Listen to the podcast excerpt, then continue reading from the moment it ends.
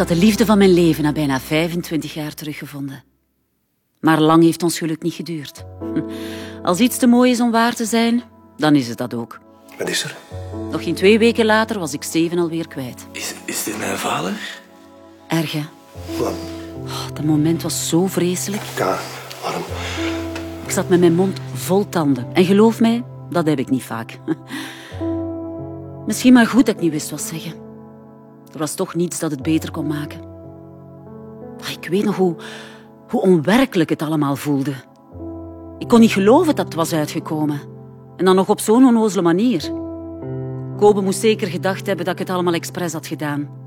Dat ik hem wou provoceren door onder zijn neus met zijn vader te komen eten. Maar ik had nooit gewild dat ze het zo moesten ontdekken. Ik had het hem willen uitleggen, maar ik wist niet hoe. En dus was ik blijven zwijgen. Ik had te lang gewacht en het was allemaal in mijn gezicht ontploft. Steven was razend natuurlijk. Daar had hij alle reden toe, dat wist ik wel. Zijn leven bleek één grote leugen. Ik had in zijn plaats beslist dat hij zijn kind nooit zou zien opgroeien. Die blik in Steven zijn ogen, dat vergeet ik nooit meer. Eén en al walging en haat. En ongeloof ook. Alsof hij niet kon geloven dat ik hem zo belogen en bedrogen had. Het was verschrikkelijk. Ik heb me nog nooit zo slecht gevoeld als toen. Maar tegelijkertijd hè, was het eigenlijk ook een opluchting. Eindelijk wisten ze allebei de waarheid. Heel mijn leven viel voor mijn ogen uit elkaar. Steven was ik kwijt en Kobe haatte mij zo mogelijk nog harder dan ervoor. ja, ik hoor je al denken. Karma is a bitch. Ja. En ondertussen was er Tom. You have a message. Hé, Karen. Ik, misschien wordt het zo stil aan tijd om van die roze wolk af te komen. Hè? Eerst het werk en dan de liefde. Hè? Is dat niet uw lijfspreuk? ah, ik reken erop dat je er snel zult zijn. Dat was pijnlijk om te horen. Ik wou verdwijnen en nooit meer opduiken. maar na het zoveelste voicemailbericht was ik het zo beu en heb ik Tom zijn goesting gegeven. Ten slotte was het mijn lijfspreuk. Ik draaide de knop om. Genoeg illusies. Een toekomst voor Steven en mij was onmogelijk. Ons verleden stond ons in de weg. Dus dan was het beter dat het direct over en uit was. Verliefd en gelukkig zijn was zo gigantisch hard uit mijn comfortzone. Dus waarom had ik het dan zelfs geprobeerd? Nee, nee. Het zou beter zijn dat ik terug de oude en koude Karen werd. Dat was mijn rol. Maar ik wist ook dat het nog niet voorbij was. Dus ik nodigde Steven uit voor een gesprek. Ik wou niet langer vluchten.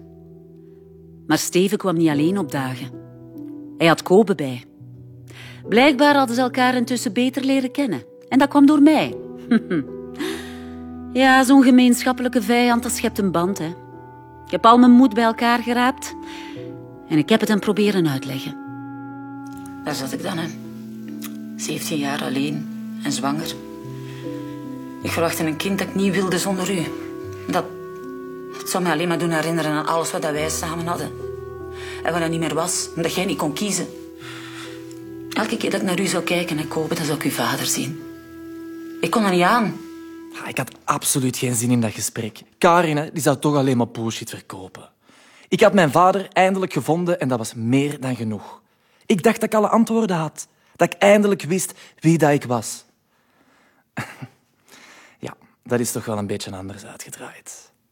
Ik was volledig mijn kluts kwijt na dat gesprek.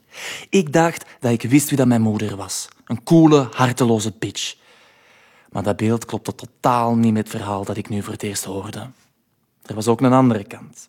Ik was heel mijn leven zo kwaad op haar geweest.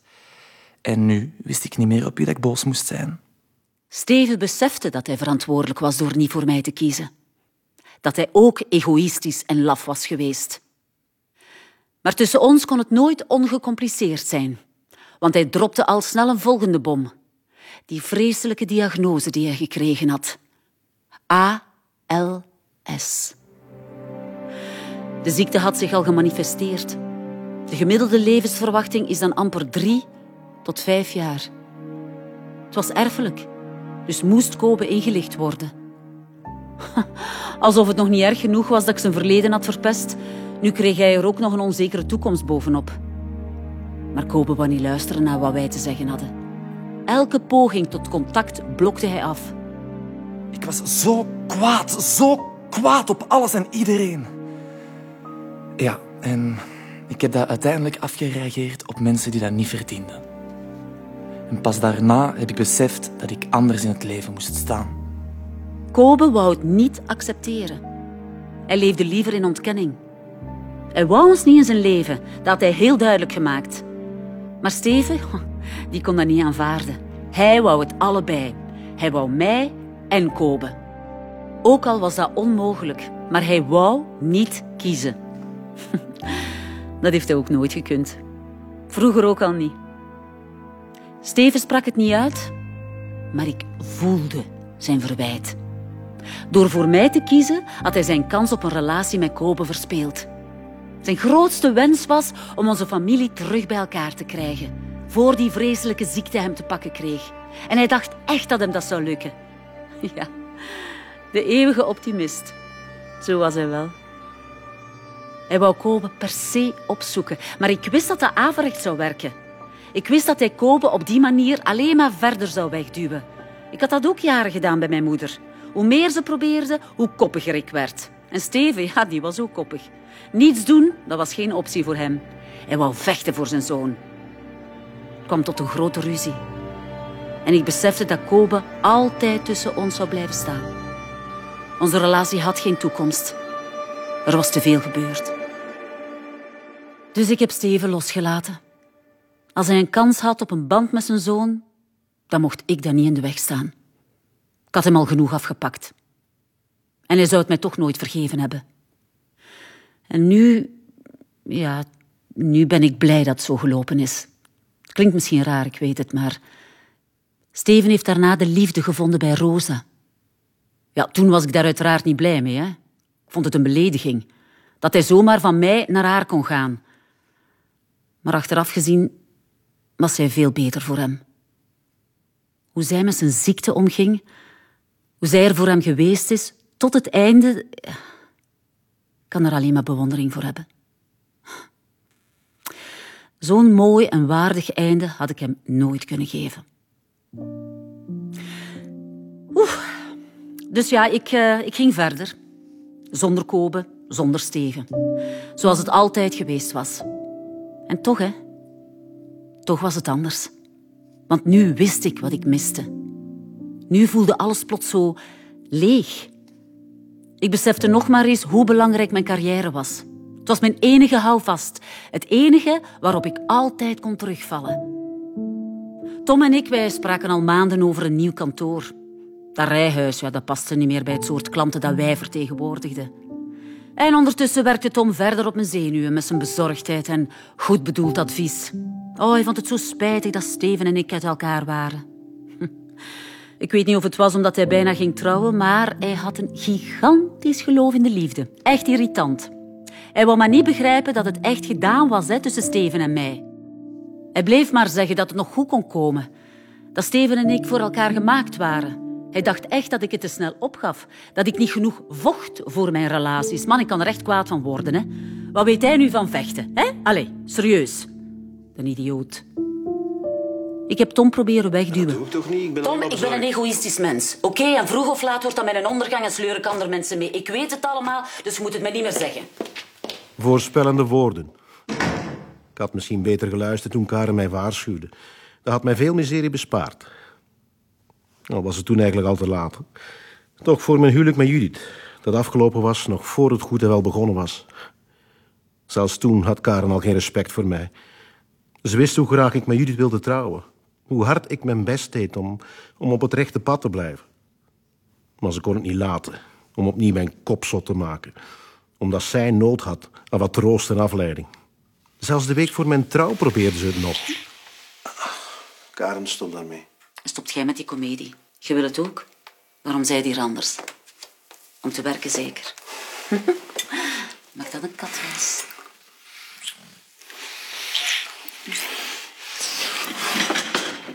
was? Ik kan dat niet maken.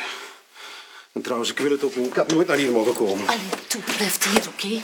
Hij is mijn enige vriend. Probeer dan ook mijn vriend te zijn. In plaats van mijn kop altijd zot te maken. Ik Ik was verdomme eerder die dag nog bij Steven langs geweest. Om met hem te babbelen. Ik vond dat hij zijn relatie met Karen nog een kans moest geven. Ik merkte aan alles dat Karen ongelukkig was. Ze was kapot van een breuk. En ik wilde daar iets aan doen. Stomme kloot die ik was. Weet je waarom ik geen vrijgezellenavond heb gevierd? Omdat ik geen vrienden had. Zelfs dat was de schuld van Karen. Ze had mijn jarenlange vriendschap met Peter kapot gemaakt. Door het immense verdriet van Femke en Peter om het verlies van Lucas had Karen geen respect. Ze hield totaal geen rekening met hun gevoelens. En alsof het allemaal nog niet erg genoeg was, beschuldigde ze Peter in de rechtbank ervan de moordenaar te zijn van zijn eigen kind. Ze heeft Peter daarmee tot in het diepst van zijn ziel gekwetst. En ik ook. Want ik heb het niet kunnen voorkomen. Peter heeft me dat nooit kunnen vergeven. Toen had ik Karen al moeten stoppen. Het wordt tijd dat ik dat nu echt doe. Als je zo misbruik maakt van je job en totaal geen rekening houdt met anderen, dan is het ook normaal dat ik daartegen moet optreden. Ik heb nog getwijfeld hoor om naar Tom zijn trouw te gaan. Het laatste waar ik zin in had was een feest waarop de liefde gevierd werd. Ik en huwelijken, hmm, is niet echt een goede combo. Dat is nu nog maar eens gebleken.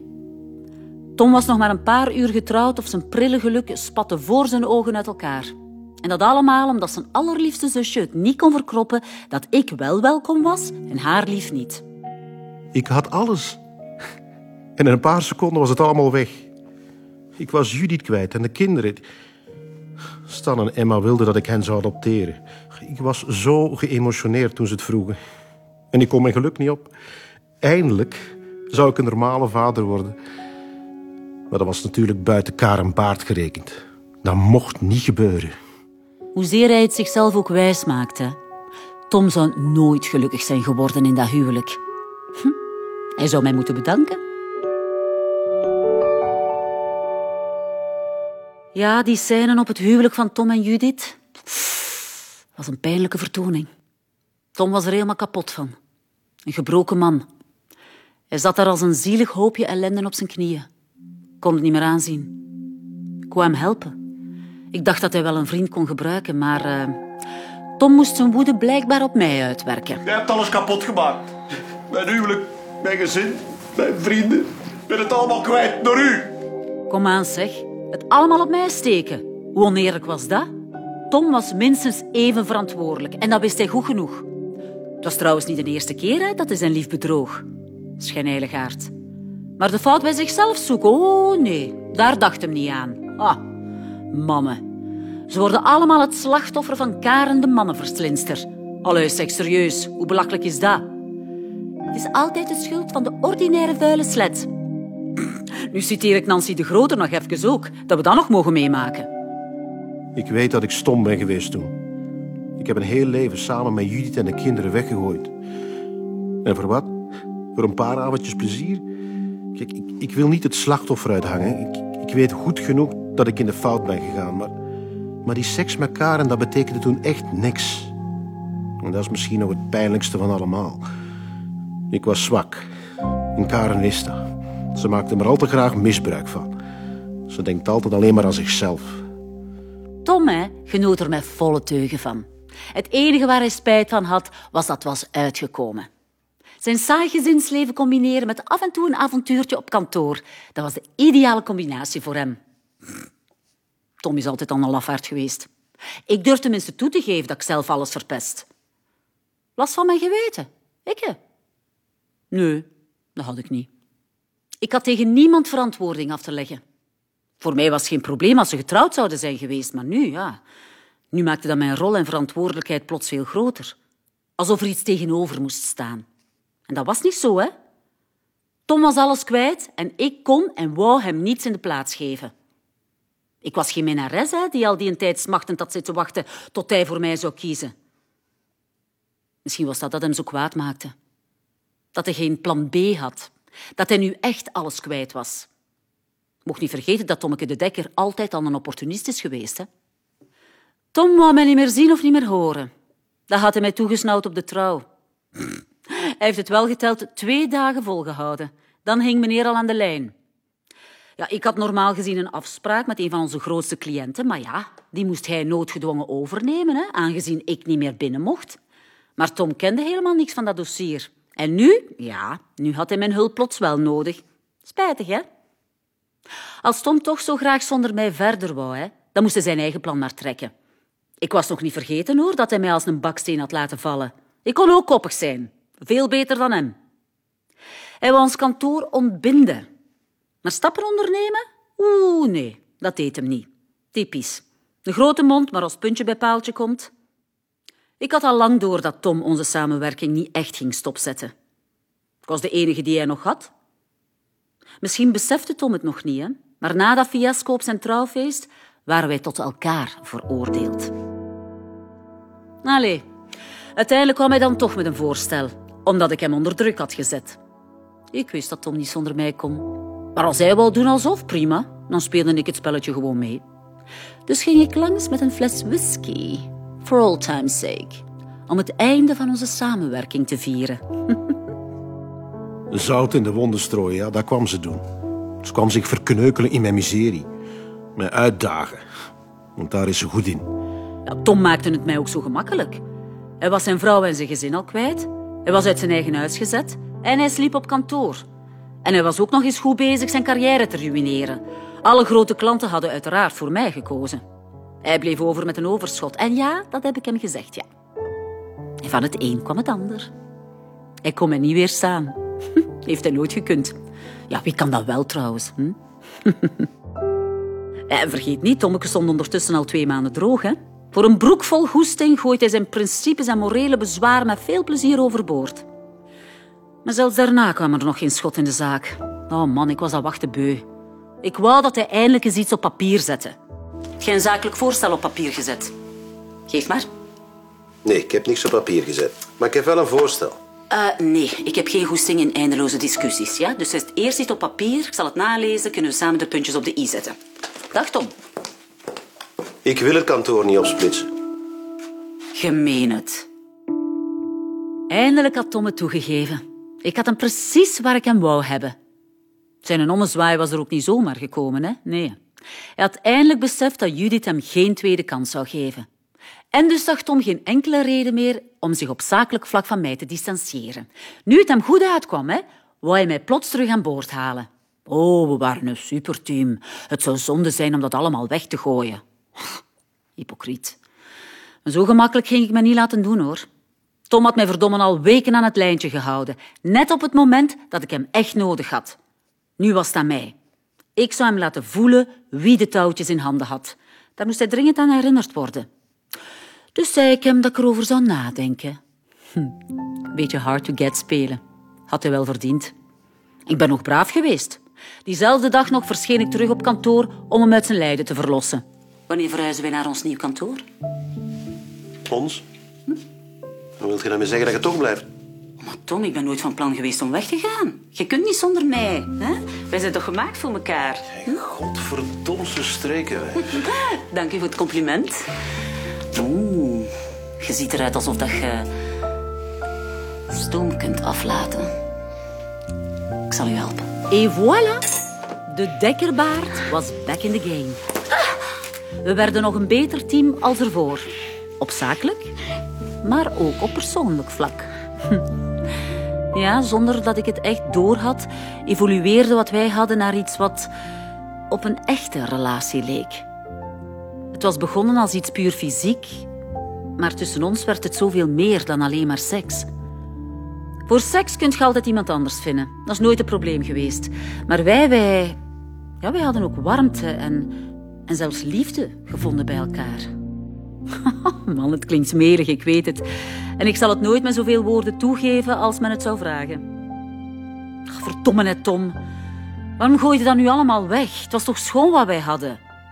Ik geef toe, ik was bang toen ik hoorde dat Tom Robin mee naar huis zou brengen. Het zou onze relatie helemaal veranderen. Ik wist dat Robin de topprioriteit van Tom zou worden en ik vond dat niet meer dan normaal. Dus ik heb een stapje teruggezet. Ik wou hem de ruimte geven om zijn zoon te leren kennen. En dan durft Tom te zeggen dat ik alleen maar aan mezelf denk? Zeg. Dat gezinnetje spelen, waar ik eerst totaal niet in geïnteresseerd was, ja, dat bleek goed mee te vallen. Want Robin bleek een tof manneke te zijn. Ja, oké, we kenden niet direct een goede start. Toen ik de eerste keer op hem babysitte, heeft hij mijn schoenen ondergekotst. Nu, niet dat ik dat leuk vond, maar het was tenminste geen saai kind. Dat kon ik wel appreciëren. De eerste indruk hè, was direct de juiste. ik heb al goed moeten lachen met Robin. Dat zet me toch wel aan het denken. Ik heb mezelf nooit als een moeder gezien. Ik liep altijd in een grote boog om kinderen heen. Ik voel mij gewoon ongemakkelijk in hun gezelschap. Maar bij Robin, nee, bij hem is dat niet zo. Ja, we hebben een echte band. Dat durf ik echt wel te zeggen. Kan het blijkbaar toch? Dus misschien, misschien had ik het wel gekund met Kobe. Het is ook confronterend, want ik heb mijn eigen zoon op die leeftijd nooit gekend. Ik had een muur om mij heen getrokken. Het is alsof ik nu pas besef wat ik allemaal gemist heb. Mijn moeder, Steven, Kobe, Tom en Robin die hebben deze muur de laatste jaren gesloopt. Enfin, het heeft helemaal geen zin om daar te blijven bij stilstaan. Moet ik Karen volledig uit mijn leven bannen? Ik weet het niet. Ik kwets Robin ermee en, en dat wil ik niet. Hij heeft een goede band met Karen en ik, ik maak die kapot. Ja, het is niet dat ik het doe voor mijn eigen plezier. Hè.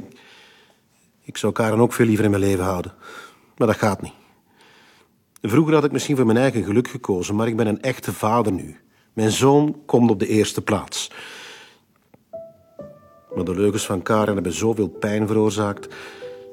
Dus ik moet dringend met Robin praten. Ik moet hem duidelijkheid geven, dat verdient hij. Hij hoopt nog altijd dat het goed komt met Karen. En dat kan niet. Ik kan het niet. Ook al breekt dat zijn hart. Robin begrijpt het misschien nu nog niet, maar uiteindelijk zal het ook beter zijn voor hem. Karen kwetst iedereen, dus vroeg of laat ook Robin. Ik moet mijn zoon beschermen. Oh, Robin. Hm. Ik zou het hem allemaal willen besparen. Als ik dat kon. En voilà, zo zijn we aan het einde gekomen. Ik heb u gevraagd om te luisteren naar mijn verhaal en dat heb je gedaan, dus uh, bedankt daarvoor. Ik ben ook blij dat het uh, uit mijn systeem is. Al dat mijmeren, dat is nergens goed voor. Al die herinneringen brengen mij een beetje uit mijn evenwicht. Ik word er zelfs wel week van, van binnen. En dat wil ik niet, hè? want zwak zijn is geen optie. Nu is het tijd om mijn rug te rechten, om door te gaan, om te vechten voor wat ik nog heb. Ik wil geen hoopje ellende meer zijn. Nee, een slotpleidooi volgt er niet. Ik ben er zeker van dat je uw oordeel al lang gevormd hebt. Misschien zijt je mij in een ander licht gaan zien. En snapt je nu een beetje beter waarom ik doe wat ik doe en hoe ik zo geworden ben. En misschien vond je het allemaal bullshit. Dat is ook oké, hè? Het kan mij eigenlijk toch niet schelen wat je van mij denkt. Heb ik mij nooit aangetrokken. Anders zou ik heel ongelukkig geweest zijn, hè? Ik ben het gewoon dat iedereen tegen mij is. Dat ze jaloers zijn op wat ik bereikt heb. Ik haal daar zelfs energie uit. Die vijandigheid hè, houdt mij scherp. Vechten maakt mij sterker. Ik laat het verleden nu rusten. Het wordt tijd dat ik mij focus op een toekomst. Ja, mijn leven ligt in duigen, maar nu ga ik de stukjes bij elkaar rapen. Ik ga vechten voor wat ik waard ben. Ik laat me niet zomaar alles afpakken, hè? Misschien vindt je dat egoïstisch van mij en bewijst dat voor u alleen maar dat ik enkel aan mezelf denk. Jawel, dan is dat maar zo. Ik kies voor mezelf. Ik heb geen andere keuze. Steven heeft niet voor mij gekozen, Tom ook niet. Bij iemand anders kom ik ook nooit op de eerste plek, dus ik zet mezelf daar. Uiteindelijk hè, kunt je alleen op jezelf rekenen. Dat is nu ook zo. Hè? Ik sta er helemaal alleen voor. En dan is er nog Kobe. Door niet naar zijn trouw te komen, heb ik het ook bij hem verpest. Deze keer heeft hij er echt genoeg van. Dat voel ik. Ik heb nogthans mijn excuses aangeboden en je gelooft het misschien niet, dat was echt een hele grote stap voor mij. Ik heb al mijn moed bij elkaar moeten rapen. En Koben heeft me weggestuurd. Wat kan ik nog meer doen? Door het stof kruipen en er alles aan doen om het bij te leggen? Nee, sorry. Zo zit ik niet in elkaar. Ik meende wat ik tegen Pauline zei, hè? Ik ben geen echte moeder. Enfin, toch niet zoals het zou moeten. Niet zoals Rosa. Die vrouw die straalt zoveel warmte en liefde uit. Bij, bij haar komt dat allemaal spontaan. Ik moet er zoveel moeite voor doen. Zij kwetst Kobe niet. Zij komt voor hem op. Ze troost hem. En ja, ja, dat doet pijn om dat te zien, ja. Dachten? Maar stop nu toch eens met u af te reageren over die jongen. Wacht hier, zij. Ma koekoek. Wat is het? Komt de gestolen jong beschermen tegen zijn echte moeder? Heel origineel, hoor. Maar maak je geen zorgen. Je mocht hem hebben. Je verdient elkaar. Dat was grof, ik weet het. Maar ik kan er niet aan doen. Als ik gekwetst word, dan haal ik genadeloos uit. Wegduwen is gemakkelijker dan afgewezen worden. Slaan is gemakkelijker dan geslagen worden. Och ja. Misschien is het ook beter dat ik op Kobe niet meer moet rekenen. Hij heeft mij al zoveel kansen gegeven en ik stel hem elke keer opnieuw teleur. Kobe verdient beter dan een moeder die alles kapot maakt. Een groot gemis zal ik sowieso niet zijn. Hij heeft Rosa en dat is meer dan ik ooit kan bieden. Maar dat is niet erg, hè? Ik ben goed in andere dingen. In mijn job bijvoorbeeld. Ik ben een fantastische advocaat. En mijn carrière is alles wat ik nog heb. Dat gaat gekwetst stommeke en wraakzuchtig Peterke mij niet afpakken. Hè? No way. Dat laat ik niet gebeuren. Ja, je vindt waarschijnlijk dat ik het mezelf aangedaan heb en misschien heb je ook gelijk. Het had nooit zo ver moeten komen. Ik had die zaak van Renilde kunnen laten vallen toen Tom mij het gevraagd heeft. Maar ik wist niet waarom hij mij dat vroeg. Hij heeft het mij nooit willen uitleggen. Dus ik wist niet dat hij het zo ver ging drijven. Ik zou mijn relatie toch nooit op het spel zetten voor die trut van een Renilde. Voor mij was dat gewoon een onnozel spelletje om mijn woede te koelen op Dries. Om hem terug te pakken. Wist ik veel dat er verdere gevolgen zouden zijn? Ik kon Karen niet zeggen wat Tanja mij vertrouwen had verteld. Zeker niet nadat ze zonder enige scrupule die klacht van aanranding had verzonnen. Ik was er ook geen uitleg verschuldigd. Ik vroeg het haar en dat zou reden genoeg moeten zijn geweest om die zaak te laten vallen. Maar nee, niet voor Karen Baart, want die beleefde veel te veel plezier aan dit spelletje. Ze misbruikte de pijn van zoveel mensen gewoon om wraak te kunnen nemen. Walgelijk. Karen had mij op mijn woord kunnen vertrouwen. Maar ik was blijkbaar niet belangrijk genoeg voor haar. Ik weet dat het met Tanja te maken heeft. Die heeft nogal heftig gereageerd op het verhaal van Renilde. Er zal vroeger wel iets gebeurd zijn of zo. Allee, dat is het enige wat ik kan bedenken. Maar dat kon ik toch niet weten? Tom had mij kunnen zeggen hè, wat er aan de hand was. Dan had ik die zaak kunnen laten vallen. Allee, dat denk ik toch. Ja, voor hem had ik veel gedaan. Maar die tijd is gepasseerd, hè. Het heeft geen zin om te blijven stilstaan bij hoe het anders had kunnen lopen. Gedane zaken nemen geen keer. Tom heeft zijn beslissing genomen. Hij wil mijn carrière breken. En ik, hè, ik kan hem dat niet vergeven. Hij weet hoe belangrijk mijn carrière is. Ja, haar job is het allerbelangrijkste. Zonder haar carrière is ze niks. Want dat zegt ze toch altijd. Maar waarom springt ze dan zo lichtzinnig mee om? Waarom zit ze met een paar idiote spelletjes dan alles op het spel? Als iets u echt zoveel waard is, dan neemt je toch niet zo'n risico's? Dit doet ze echt zichzelf aan. Maar dat maakt het er helaas niet makkelijker op. Ja, ik, ik besef ook wel dat hij haar totaal kapot gaat maken. Nou, dit is misschien wel de enige manier om haar tot één keer te brengen. Karen verdient het om eens goed op haar plaats te worden gezet. Nee, ik heb geen medelijden met haar. Het is te laat. Allee, Tom, alstublieft. Kijk naar mij. Kijk naar mij. Je gaat mij toch niet opgeven? Je gaat ons toch niet opgeven? Je bent veel te ver gegaan. Tom, ik zie u graag. Ik u niet meer. Weet je wel hoe moeilijk dat voor mij was? Het liefst van al had ik haar gewoon vastgepakt. Zeggen dat het in orde was. Teruggaan naar hoe het was. Als zij maar had afgezien van haar stappen. Maar dat deed ze niet. Of in elk geval te laat. Ze heeft totaal geen respect voor mij. Nog voor mijn familie, nog voor mijn vrienden. Karen Baart die denkt alleen maar aan zichzelf. En dat ik het er ondanks alles toch moeilijk mee heb, zie ik als iets positiefs. Dat bewijst dat ik een hart heb. Dat ik geef om anderen. Nee, er is geen weg terug. Nu Karen weet waar Peter en ik mee bezig zijn, zal ze mij ook niet sparen. Ze zal alles proberen om mij op andere gedachten te brengen. Alles. Tom wil oorlog? Dan kan ik niet anders dan terugvechten. Als ze denken hè, dat ze mij zomaar kapot krijgen, dan kennen ze mij nog niet. Ik ga er alles aan doen om dat niet te laten gebeuren. Maar als het toch zo ver komt, dan sleur ik ze allemaal mee in mijn val. Ik heb niets meer te verliezen dan. Ik zal Tom beschuldigen van alles wat lelijk en vies is. Ik zal hem treffen waar het pijn doet. Hij zal afzien, want hij neemt het tegen mij op. Ik, Karen Baart.